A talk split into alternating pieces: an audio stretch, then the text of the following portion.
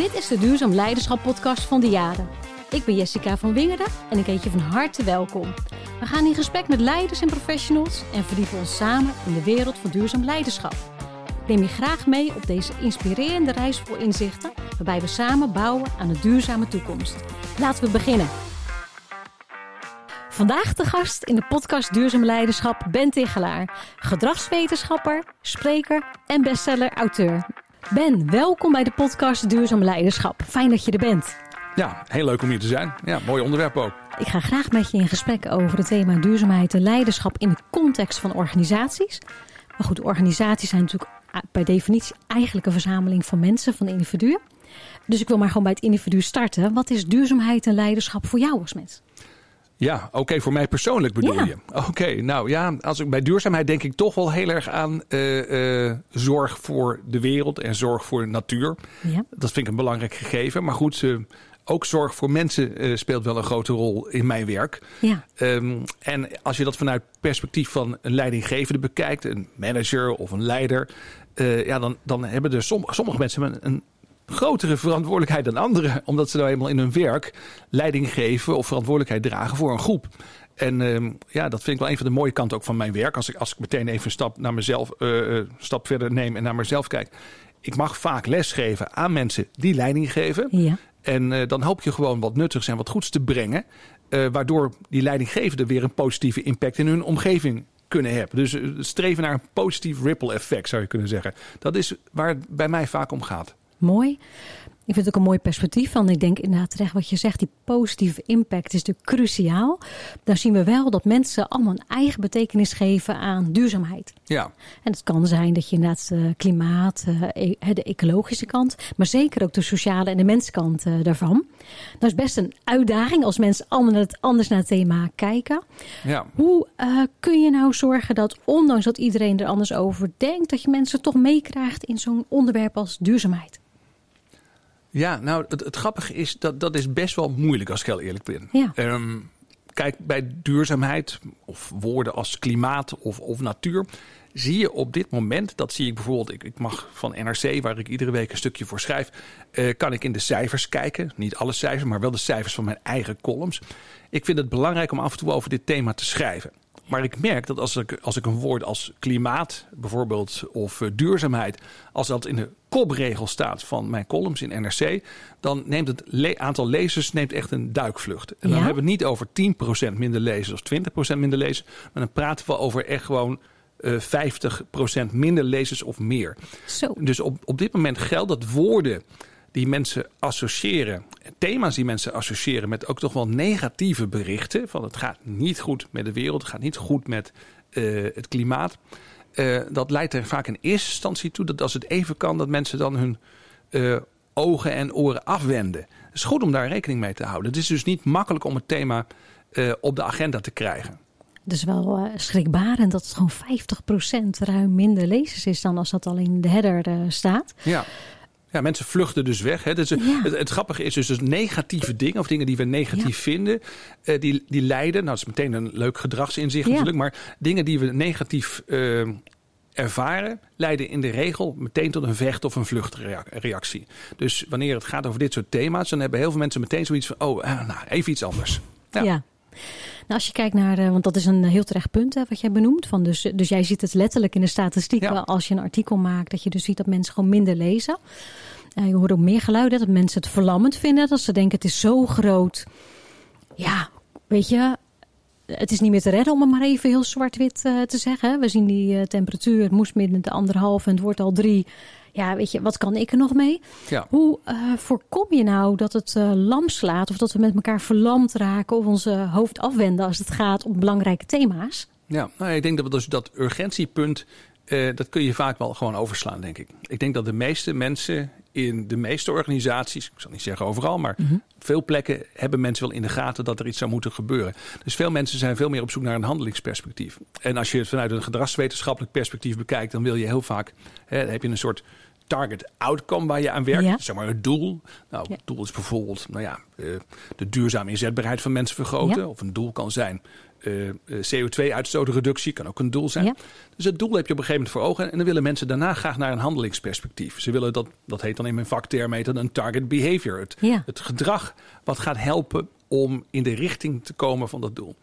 En daar wringt vaak een beetje de schoen, want die stap wordt niet gemaakt. Dus we praten wel over allerlei problemen. Dat zijn soms grote abstracte problemen waar je als individuele medewerker in een bedrijf, of misschien ook wel als individuele leidinggevende van denkt, ja, wat, wat moet ik hier nou mee?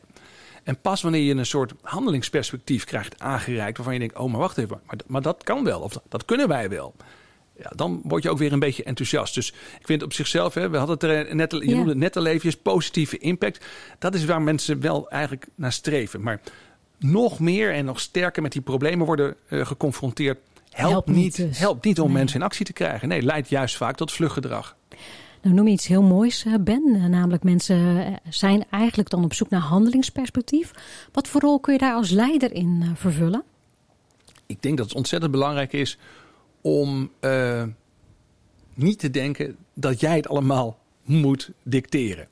Dus daar, daar, dat is een eerste belangrijke punt. Ja. Dus het helpt, um, dan baseer ik me een klein beetje op de ideeën van Linda Hill, een uh, uh, nou ja, bekende Harvard-hoogleraar die veel over leiderschap heeft geschreven en een van de meest aangehaalde leiderschapsdenkers van de laatste jaren is. Zij zeggen het mag best wel schuren in organisaties. Je moet in eerste instantie moet je gewoon een hoop ideeën verzamelen. En het kunnen ook ideeën zijn die soms lijnrecht tegen elkaar in lijken te gaan. Vervolgens selecteer je dan met elkaar kansrijke ideeën. Die ga je uitproberen. Want van heel veel dingen weet je van tevoren niet of het gaat werken in jouw bedrijf of niet. Dus in het klein experimenteren. is ontzettend belangrijk. En pas wanneer op een gegeven moment dingen blijken te werken. Uh, ook in jouw organisatie, jouw context of in jouw markt of branche, of hoe je het ook noemt. Um, ja, dan kun je misschien gaan opschalen. Dus het is ontzettend belangrijk om uh, eigenlijk allerlei uh, vooringenomenheid te laten varen en samen met je medewerkers creatief te kijken van hoe, hoe kunnen we hier zelf uh, ja, actie in ondernemen. Dus echt dan ook zelf ontdekken. Want je hoort best veel voorbeelden. Mensen zeggen nou ik kijk naar succesvolle andere bedrijven. Ja. En die doen het zo, laten we dat gaan kopiëren. Dat klinkt heel mooi. Ja. Maar wat je dan vergeet is dat het proces wat je samen doorloopt om creatief te zijn. Om samen ook te wennen aan bepaalde ideeën. Samen ook te ontdekken dat iets wel of niet werkt. En dat te voelen met elkaar dat iets werkt. Dat sla je dan allemaal over. En dat is nou juist zo belangrijk, want dat eigenlijk is dat gewoon een hele belangrijke veranderinterventie. Uh, heel interessant. En nu zien we dat uh, steeds meer organisaties hebben gewoon doelstellingen rondom duurzaamheid. Omdat ze inderdaad in het kader van dat zo mooi heet CSRD, oftewel de richtlijnen waar organisaties aan moeten voldoen, worden steeds meer doelen opgelegd. Hè?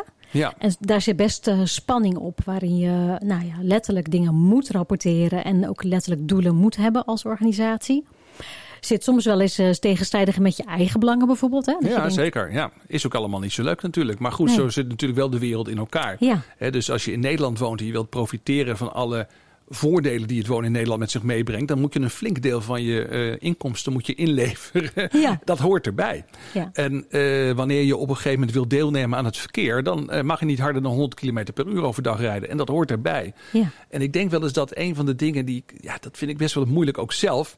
Ehm, dat is natuurlijk strijdig met allerlei basisgevoelens die wij hebben. Hè? Want we willen graag zelf beslissen. We, willen, we streven naar autonomie. Dat is een, een basisgegeven, zeg maar, in de biologische psychologie. Dat, dat mensen die behoefte hebben om zelf keuzes te maken. En aan de andere kant is het gewoon niet altijd slim dat iedereen zijn eigen keuzes maakt.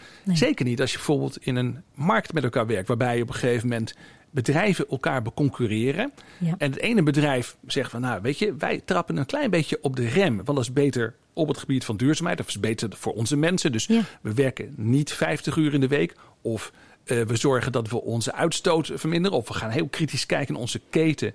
Zodat iedereen echt netjes betaald krijgt. Maar ja, dan wordt de zaak wordt wel iets duurder. En het duurt wat langer bij ons. Nou ja, uh, op een gegeven moment dan een concurrent zegt... nou, dat is heel leuk en doen wij dus niet. Dan kan het veel sneller en goedkoper bij ons. Dan zul je toch zien dat dat op een gegeven moment tot een nadeel leidt... voor degene die in de markt eigenlijk de goede keuzes maakt. Dus een, ja, dat, iedereen heeft het dan altijd, altijd over een level playing field. Dat iedereen zeg maar volgens gelijke regels deelneemt aan het concurrentieproces. En daar ben ik wel heel erg voorstander van. En om het meteen maar even door te pakken. Ik denk dat voor heel veel bedrijven uh, ook dat betekent dat ze niet alleen maar hard werken aan hun eigen individuele opgave op het gebied van duurzaamheid. Mhm. Maar dat ook de, noem het maar, de lobby- en beïnvloedingsinspanningen die er worden geleverd, ook vanuit brancheverenigingen bijvoorbeeld, ja. dat die veel meer erop gericht moeten zijn om te zorgen dat dat speelveld, uh, dat, dat, uh, dat dat eerlijk is, ja. maar ook uitdagend. Want het helpt niet als we proberen alleen maar regels uh, te verminderen of willen proberen om bijvoorbeeld de druk die we ervaren om duurzaamheidsgebied wat te doen, dat we die proberen terug te dringen. Van, we maken onze eigen keuzes wel of zelfregulering. Dat blijkt dus in de regel helemaal niet goed te werken. Het werkt juist goed als er strenge regels zijn. Ja. Maar die strenge regels moeten wel voor iedereen gelden. En Ja. daar zouden ook bedrijven van moeten zeggen, nou laten we dan voor strenge regels gaan. Maar dan met z'n allen. Maar dan met z'n allen. Laten we daar dan voor pleiten met z'n allen. Nou, nou lukt dat, hè? En nou heb je met elkaar die afspraken. We laten die mensen niet meer 50, 60 uur eh, werken in de week. We zorgen goed voor onze mensen. Nou, ook aan de well-being kant. Want zeker die kant van duurzaamheid is er ook, hè, de sociale kant. En dan zit je in een organisatie, dan heb je die koers gezet.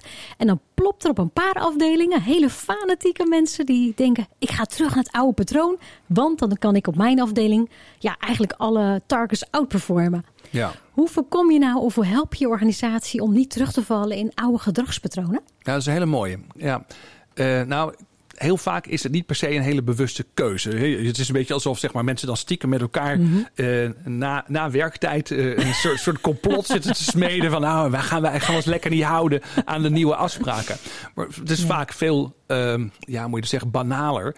Eh, de dingen die je honderdduizend keer hebt gedaan, het is natuurlijk makkelijk om gewoon door te zetten. Gewoon patronen die je gewend bent. Ja. Ja. Eh, Het is een van de belangrijkste verklaringen voor menselijk gedrag. Is wel wat ze noemen is cognitive strain. Dus cognitieve spanning. Ja. Dus je, als je nieuwe dingen doet, ervaar je veel cognitieve spanning. Dat is moeilijk, is ingewikkeld. Als je herhaalt wat je al heel vaak hebt gedaan, dan voel je, dan is het cognitive ease, zoals het dan heet, cognitief gemak. Ja. En eh, dat vinden wij eh, gewoon puur biologisch te prefereren. Dat is niet een bewuste keuze. Er is niemand die zegt, eh, van, nou weet je, ik, ik ben eigenlijk wel tegen die nieuwe regels, want dat is namelijk beter voor mijn cognitive ease. Dat zegt helemaal niemand. Maar het is wel hoe het, als je het gaat onderzoeken, Hoe het Want- werkt. nou ja, hoe het werkt. Dus de kunst is om ook dingen eh, in die zin, ja, het klinkt een beetje simpel misschien, maar om het nieuwe gedrag wat je wilt zien makkelijker te maken, daar ook de frictie weg te halen. En op allerlei gedragspaadjes die zeg maar in het verleden zijn aangelegd, om daar eigenlijk frictie toe te voegen.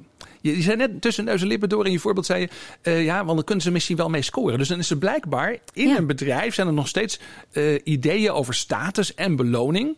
Of Eh, doelstellingen, bepaalde omzet of iets realiseren van targets als afdeling. Ja, dus er zijn er allerlei ideeën zeg maar, die ertoe leiden dat als je dan eigenlijk als het ware toch even de binnenbocht neemt of even je niet met die nieuwe regels bezighoudt, dat je dan toch nog beter kunt scoren. Nou, als dat nog bestaat, dan maak je eigenlijk het ongewenste gedrag nog steeds aantrekkelijk en makkelijk. En dan maak je nog steeds het nieuwe gewenste gedrag, dat maak je ingewikkeld, moeilijk en er zit- nog te veel frictie op. En dat is wel heel erg belangrijk om het op die manier ook te onderzoeken. Van wat hebben we nou met z'n allen makkelijker gemaakt? Wat hebben we nou met z'n allen moeilijker gemaakt? Want dat is een hele belangrijke knop om aan te draaien als je gedragsverandering wilt. Dus je zegt eigenlijk als leider moet je eerst gaan onderzoeken wat is nou de ease, om het zo maar te zeggen. En, en waar zit frictie? Ja, En misschien wel hoe kun je frictie toevoegen aan het oude gemak? precies. En ja. hoe hou je nou, zeg maar, hoe maak je het nieuwe? Hoe, hoe maak je dat nou makkelijker of slimmer of efficiënter? Ja, misschien een heel dom voorbeeld. Ja. Maar ik, ik geef wel het, eh, eh, om even het concept een beetje uit te leggen. Ik heb eens, eh, dat was een paar jaar geleden. Toen vroegen mensen, Ben, wat wil je graag op je verjaardag? En toen kreeg ik van allerlei mensen, omdat ik dat had laten vallen, kreeg ik een, een Belgisch bierpakket. Nou, hartstikke mooi. Allerlei exquise, bijzondere Belgische bieren. Eh, ik heb dat, dat was niet zo'n slimme beslissing, maar heb ik wel gedaan. Ik heb dat eh, in de koelkast gezet allemaal. En op een gegeven moment merkte ik dat mijn bierconsumptie omhoog ging. Want het was namelijk te makkelijk. En er stonden allemaal lekkere biertjes onder handbereik in de koelkast. Ja. Nou, dat constateer je dan. En dan denk je op een gegeven moment vanuit je gedragswetenschappelijke achtergrond... denk je, oké, maar hoe, wat gaan we hier aan doen? Ik kan mezelf dat honderd keer voornemen. Ik kan van alles tegen mezelf zeggen. Maar we weten, de mens is zwak. Dus eh, misschien moeten we een andere oplossing zoeken. Dus ik heb als het ware dat bier achter een tijdslot gezet. Het is gewoon allemaal in een kast gezet op kamertemperatuur. Dat betekende dat wanneer ik zo'n Belgisch biertje wilde... dan moest ik dat drie uur ongeveer van tevoren beslissen... om er eentje koud te leggen. En dan daalt per direct je, con- je consumptie. Nou, dat is een heel dom voorbeeld. Maar dat is wat ik bedoel met frictie toevoegen, frictie weghalen. Je moet kijken wat willen we niet. Daar moet meer frictie op. Wat willen we wel? Daar moet minder frictie op. Dus als dat duurzame gedrag moet je eigenlijk Belgisch bier in de koelkast maken. Ja, precies. Ja. ja. Misschien als een uh, leuke, leuke. Het moet onder handbereik zijn. Het moet makkelijk zijn. Ja. En dus ook wanneer op een gegeven moment. Nou ja, goed. Je begrijpt het verhaal. Ja. Maar, maar hoe doe je dat als leider? Want het veronderstelt wel dat je dus wel echt veel meer moet gaan verdiepen in die gedragsverandering. Ja, ook dit is iets om samen met medewerkers te doen en om te experimenteren.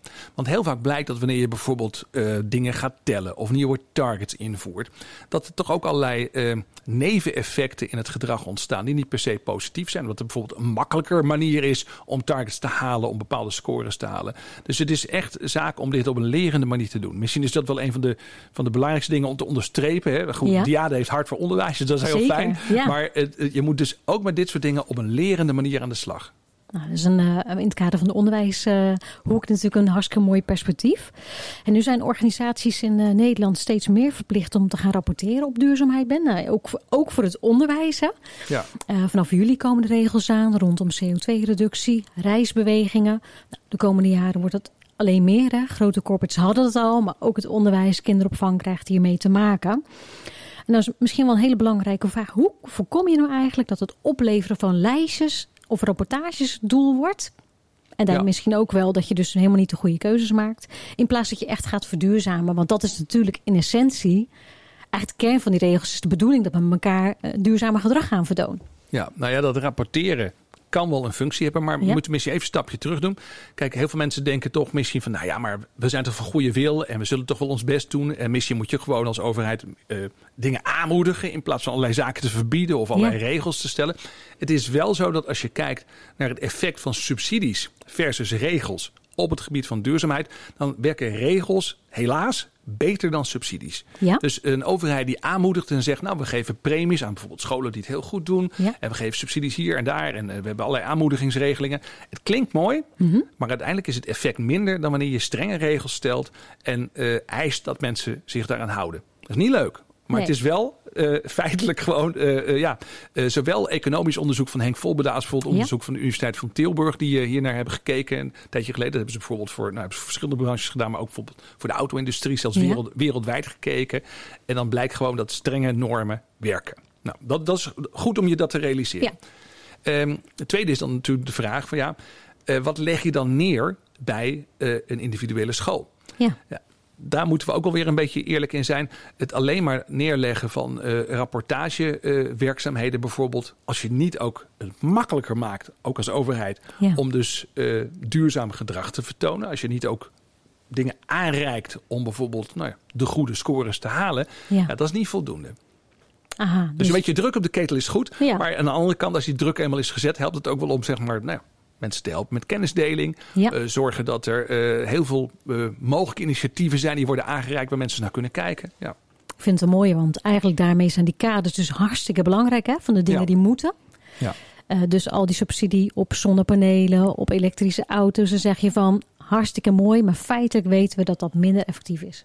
Het is minder effectief. Ja, het kan helpen om de dingen op gang te brengen. Mm -hmm. Kijk, de, er is nog een andere kant natuurlijk. Hè. Je wilt uiteindelijk ook dat mensen beleid accepteren. Dus wanneer een hele grote uh, uh, groep mensen in een branche zegt, of bijvoorbeeld in een vakgebied van nou, we doen gewoon niet mee, heb je ook een probleem als politiek. Dus het is soms ook wel slim om iets aantrekkelijk te maken door bijvoorbeeld een aantal eerste gebruikers op gang te krijgen met subsidies. Daar is op zichzelf niet zoveel mis mee. Ook voorlichting kan helpen, dat mensen zoiets hebben, oh ja, dat is eigenlijk wel een belangrijk probleem. Hè. Dat zal niet meteen het gedrag veranderen, maar de uh, acceptatie van de strengere maatregelen die erna komen, ja. die dus eigenlijk het echte effect dan ook gaan geven, wordt wel vergemakkelijkt. Dus het, het is een beetje, ja, het klinkt een beetje een soort politiek trucje. Is mhm. het misschien ook wel? Ja. je doet voorlichting, je moedigt wat aan en dan komen de strenge normen. Die strenge normen, die gaan het werk doen. En dan uiteindelijk binnen die strenge normen proberen we dan allemaal creatief te zijn om te zorgen dat we ze halen. Nou, een mooie, mooie uitdaging uh, ook uh, in die combinatie van het spel. Nou leiden we in het onderwijs uh, de kinderen en de jongeren op voor de nieuwe samenleving van de toekomst. Um, welke rol zou vanuit jouw perspectief het onderwijs dan ook richting de duurzaamheid moeten spelen? Wow, dat is ja. Poeh. Je, je hebt al gauw de neiging mm -hmm. om dan het heel erg op het individuele gedrag van mensen te richten. Dus ja, je moet niet te lang douchen. Of koop een elektrische auto. Of nou ja, allemaal tips, zeg maar, die iedereen wel kent. Hè. de verwarming wat lager trekken. Ik heb ook een trui aan vandaag. Trek een trui aan. Ja. Klinkt allemaal heel goed. Nou, daar is ook wel een beetje kritiek op gekomen vanuit uh, mijn, mijn hoek, zeg maar. Ja. Twee uh, onderzoekers, die heten Nick Chater en uh, George Lowenstein. Die hebben recent een artikel geschreven dat, dat gaat over het I-frame en het S-frame. En het I-frame, dat is het individual frame. Dat is dus douche wat korter en ja. allemaal meer van dat soort dingen. En het S-frame is het system frame. Dat gaat dus over, ja, maar hoe zit dan het systeem in elkaar? Uh, nou, een simpel voorbeeld dat iedereen wel herkent. Je kunt tegen mensen zeggen van joh, je moet niet zo vaak vliegen. Dat is eigenlijk niet goed hè. En dat is het I-frame. Jij, jij, moet zelf niet te veel vliegen. Het S-frame is dat je zegt, ja maar wacht eens even. Het is veel te goedkoop gemaakt. Het, het, het, een, een treinkaartje. Is duurder. Een treinkaartje, zeg maar, eh, wat, wat gezond is, eh, wat beter is voor, voor, voor, voor, voor de wereld. Uh, dat is schreeuwend duur. En voor, voor een paar tientjes vlieg je naar Malaga of waar je ook naartoe gaat, zeg maar, met een vliegtuig. Nou, dat is het S-frame. En ik denk dat in het onderwijs dat je moet oppassen dat je alleen maar naar dat I-frame gaat en, en doet alsof, zeg maar, wanneer alle kinderen in Nederland een beetje korter onder de douche staan, dat dat de wereld gaat redden. Het, is ook een kritische vermogen om te kijken, ja, maar wacht eens even, er zijn dingen gewoon die kloppen niet. Weet je wel, uh, we, we, krijgen uh, allemaal reclame om de oren waarbij je uh, heel veel goedkope kleding, zeg maar, en dan niet per seizoen, maar meerdere keer per seizoen kunt kopen bij alle ketens. Hoe zit dat in elkaar? Kan dat eigenlijk wel? Is dat wel goed? Dus ook kritisch kijken naar dat systeem. Ik denk dat dat heel belangrijk is. Dus dat is een skill waar je zegt, daar zou het onderwijs wel het verschil kunnen maken om kinderen ook al mee te nemen, dat bredere kijken. Ja, ja. een mooie casus waar ik zelf erg enthousiast over ben, is, uh, ben, is dat, en dat, is een, uh, dat gaat echt over CO2-uitstoot en gaat over energie. Energietransitie, dat is uh, bijvoorbeeld Follow This, een Nederlandse stichting, ja. die aandeelhouders mobiliseert om ehm, bij de grote oliemaatschappijen het, ja, de mensen eigenlijk zover te krijgen, de raden van bestuur zover te krijgen, dat ze zich houden aan het Parijsakkoord. Ja. En die hebben echt heel erg gekeken van wie zijn nou de mensen in dit wereldwijde energiesysteem die echt aan de knoppen kunnen draaien? Nou, dat zijn de raden van bestuur en de voorzitters van raden van bestuur bijvoorbeeld van grote energiemaatschappijen. Maar ja, naar wie luisteren ze? Ja, dat zijn de aandeelhouders. Ze moeten dus bij de aandeelhouders zijn. Zijn alle aandeelhouders even belangrijk? Nee, dat is niet waar. In Nederland hebben we bijvoorbeeld grote pensioenfondsen. En die beheren heel veel aandelen. Bijvoorbeeld in Shell. En als je dan gaat kijken wie er binnen die grote pensioenfondsen dan weer uh, de baas zijn over bijvoorbeeld dit soort duurzaamheidsvraagstukken. Dan zijn dat eigenlijk maar een paar mensen. Dus als je dan echt gaat kijken hoe zit het systeem in elkaar. Dan blijkt dat er maar enkele tientallen mensen zijn. Als je die meekrijgt, dan kun je een ongelooflijke vuist maken en ongelooflijk impact hebben, ook positieve impact hebben op die energietransitie. Nou, Mooi. Die analyse maken is ontzettend waardevol. En dan eigenlijk zeg je dus, je wil met elkaar uh, zorgen dat je het systeem snapt en ook ziet waar dan zeg maar de kwetsbaarheden in het systeem zitten. Ja. En tegelijkertijd moet je oog hebben voor het individu. Van welke individuen in zo'n systeem hebben misschien daar wel opeens de invloed op dan. Ja, nou kijk, als nou bijvoorbeeld Mark van Baal, de oprichter van uh, Follow This, als hij had gezegd, nou, wat is nou mijn rol in de energietransitie? Ik ga voor het een wat korte douchen. Ja. het is allemaal prima natuurlijk. Hè? Dat, moet hij, moet hij ook doen. Ik hoop dat Mark dat ook doet. ja, ik hoop dat hij het ook doet. Ja. Maar nog belangrijker is dat hij op een gegeven moment deze analyse heeft gemaakt. En zegt, ja, maar waar kan ik nou mijn energie en tijd het beste op richten? En welke knoppen kan ik aan draaien?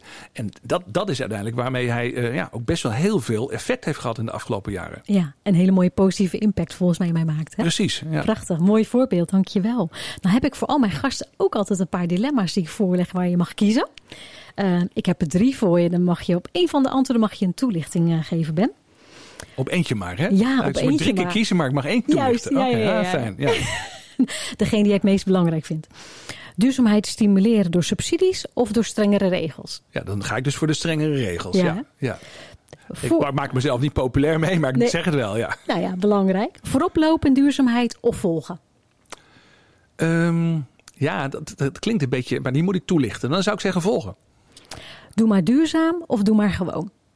Nee, doe maar duurzaam. Ja. Jij wil uh, op volgende toelichting geven, Ben. Ja. Neem ons mee. Nou, als het dus zo is ja. dat uh, het eigenlijk voor bedrijven en voor instellingen beter is dat er strenge regels komen, ja. dan kan je dus voorop gaan lopen op het gebied van duurzaamheid. Maar je kunt ook zeggen, jongens, kunnen we met elkaar als branche proberen de instituties die eigenlijk het leven, het welzijn in Nederland bepalen, ehm, die instituties te versterken.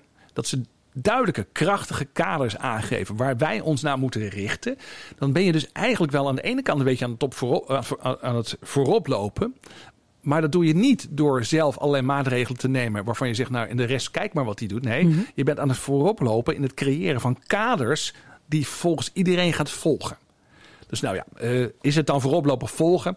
Uh, uiteindelijk gaat het erom dat we met elkaar kaders creëren waar iedereen zich aan dient te houden. Ja. Die we vervolgens ook met z'n allen gaan volgen.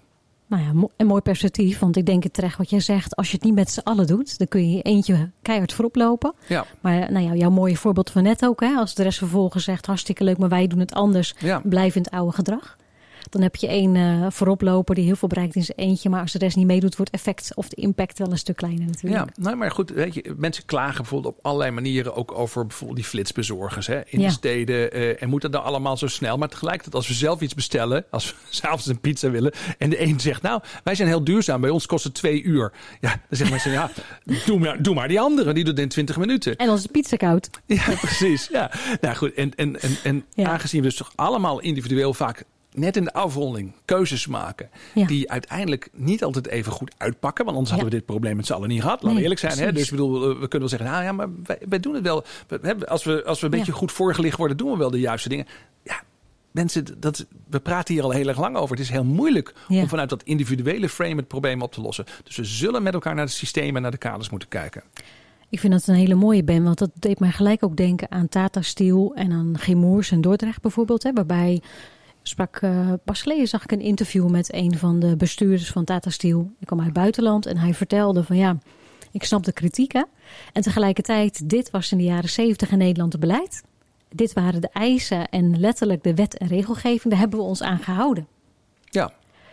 Het systeem hè, en letterlijk de, de kaders waren dit. En wij hebben dat vervolgens met elkaar uh, gedaan. Ja. ja, en dan kunnen we dus heel kritisch op zijn. Ja. Uh, en zeggen van nou, dat is makkelijk. Hè? Dus je zegt ik hou maar de regels en, en dan zou het voldoende zijn. Maar kijk even op de gemiddelde Nederlandse snelweg. Hoeveel, mensen, snelweg, hoeveel Nederlanders, gewone burgers zoals jij en ik, houden zich aan de meest simpele regel, namelijk welke snelheid je mag rijden.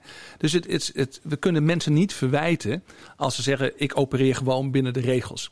En uh, of je nou leuk vindt of niet, we kunnen van bedrijven wel hopen en verwachten uh, dat ze voorop gaan lopen en meer doen dan de mhm. regels vragen. Maar dit soort internationale bedrijven die in een ja, behoorlijk concurrentieveld opereren, zullen dat niet gauw doen. Dat is een valse hoop als je, als je denkt dat het daarvan, als daar de oplossing vandaan gaat komen. Dus we moeten met elkaar nog kritischer zijn op het systeem of dat ons met z'n allen echt helpt. Ja, ja, en nogmaals, uh, ik, ik noemde in het begin even Rebecca Henderson, geloof ik. Uh, oh nee, dat weet ik niet. Of ik het heb genoemd uh, in ons voorgesprekje. Of dat ik, maar Rebecca Henderson, ja. hoogleraar aan de Harvard Universiteit, net als Linde Hill trouwens. Die zit echt op duurzaamheid. Die zegt, ja. Een van de allerbelangrijkste dingen die bedrijven moeten doen, is met elkaar die lobby voeren voor dus inderdaad die heldere kaders. Nou, dat onderstreep het nog maar een keertje, maar dat is eigenlijk internationaal zijn leiderschapsdenkers, strategische denkers eigenlijk daar wel over eens dat dat gewoon essentieel is. Dus de, de oude reflex dat we proberen als bedrijfsleven of als branches de overheid zo ver mogelijk weg te duwen en zeggen wij regelen het zelf al. Nee, we hebben de overheid en andere instituties nodig om juist die kaders te creëren. dat is een andere beweging. Daar zit een heel belangrijke verandering. Dus het gaat echt om samen. Ja. Mooi. Nog een hele andere vraag, Ben. Nou, in het kader van duurzaamheid uh, leren we allemaal, denk ik, iedere dag. Hè? Ik, althans, ik merk zelf dat ik uh, nu dingen weet die ik misschien twee jaar geleden nog geen weet van had. Wat, uh, wat impact van keuzes zijn. Of het nu gaat over sociaal of, of ecologisch. Ik ben heel nieuwsgierig.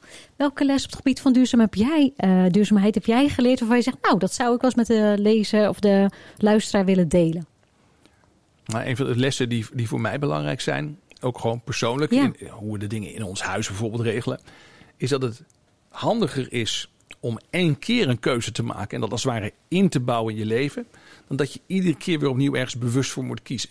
Kun je daar een voorbeeld van geven? Nou ja, als je zegt, uh, het, nou, het is heel simpel, maar ik bedoel, je kunt inderdaad, als je, als je plekken hebt waar je de verlichting vaak aan hebt en hij blijft ook mhm. aan, hè, dan kan je honderd keer tegen elkaar of tegen de kinderen zeggen, jongens, het licht uitdoen als je daar weggaat. Je kunt ook of bewegingsmelders installeren. Of je kunt uh, op zijn minst bijvoorbeeld de, de lampen die erin zitten door ledlampen vervangen. Ik noem maar eens wat. Dus um, het, um, we hebben jaren geleden een huis gebouwd. Uh, nou, daar zitten allerlei dingen in die, die helemaal niet zo verantwoord zijn. Maar één ding hebben we wel voor gekozen. Dat is een warmtepompinstallatie. Ja. Uh, ja, daar hoeven we niet over na te denken. En het scheelt dus echt een hele hoop energie. Dus zo, zo eigenlijk kijken naar hoe, hoe kan ik in mijn leven iets standaard inbouwen waar je daarna niet meer elke dag over hoeft na te denken. Dat is, um, dat, daar zou ik eerst eens naar kijken. En daarna kan je misschien nog steeds weer individuele keuzes maken. Maar dat, uh, dat is moeilijker, veel lastiger. Dus jullie hebben de cognitive, cognitive ease gewoon thuis ingebouwd? Uh, ja, nou ja, ik, uh, ik geloof daar niet alleen maar in. dus een wetenschappelijk onderzoek laat zien dat het echt heel slim is om het zo te doen. Dus ik, als het even kan, wil ik dat ook wel graag toepassen. Lukt lang niet altijd, moet ik ook eerlijk in zijn. Maar waar het kan, probeer ik dat wel ja, te stimuleren. Prachtig, mooi, mooi persoonlijk voorbeeld. Heb je ter afsluiting, Ben, heb jij nog zeg maar, tips waarvan je zegt, nou weet je, daar, als je als leider aan de slag wil in je organisatie met zo'n thema als duurzaamheid. Je wil mensen, misschien ook wel in de sector, andere uh, organisaties, collega's, in verbinding met die overheid. Je wilde die beweging gaan maken. Heb je concrete tips die zeggen, weet je, daar moet je echt uh, bij stilstaan, ga daarmee aan de slag? Maar eigenlijk die twee perspectieven. Aan de ene kant binnen je eigen organisatie, samen met de collega's, met de mensen kijken, uitproberen, experimenteren. En niet denken dat je uh, met een casus die werkt bij een andere organisatie, dat je dat gewoon als het ware kunt oppakken en kunt uitrollen in jouw organisatie. Zo werkt het niet. Er leer, je hebt leertijd nodig, experimenteertijd. Ook om met z'n allen erin te gaan geloven. Dus dat is wel echt belangrijk om je te realiseren. En het tweede inderdaad, dat je uh, organisatie overstijgend in een branche samen kijkt van nou, wat zouden nou, nou um, uitdagende regels voor ons zijn die bij ons de innovatie echt zouden stimuleren? Wat zou ons uitdagen om het echt beter te doen? Wat zouden de regels zijn op dat gebied? En dan uh, niet alleen maar denken vanuit zelfregulatie, maar ook denken van nou, kunnen wij hier overheden of andere toezichthoudende uh, organisaties bij betrekken om te zorgen dat het ook ja, branchebreed een kader gaat worden. Prachtige tip. Dankjewel voor het mooie en inspirerende gesprek. Graag gedaan. Dit was een podcast van Diade. Wilt u reageren of iemand aandragen als gast? Mail dan naar duurzaamleiderschap.diade.nl Volg onze socials en neem een kijkje op diade.nl om te zien wat wij voor u kunnen betekenen op het gebied van duurzaamheid.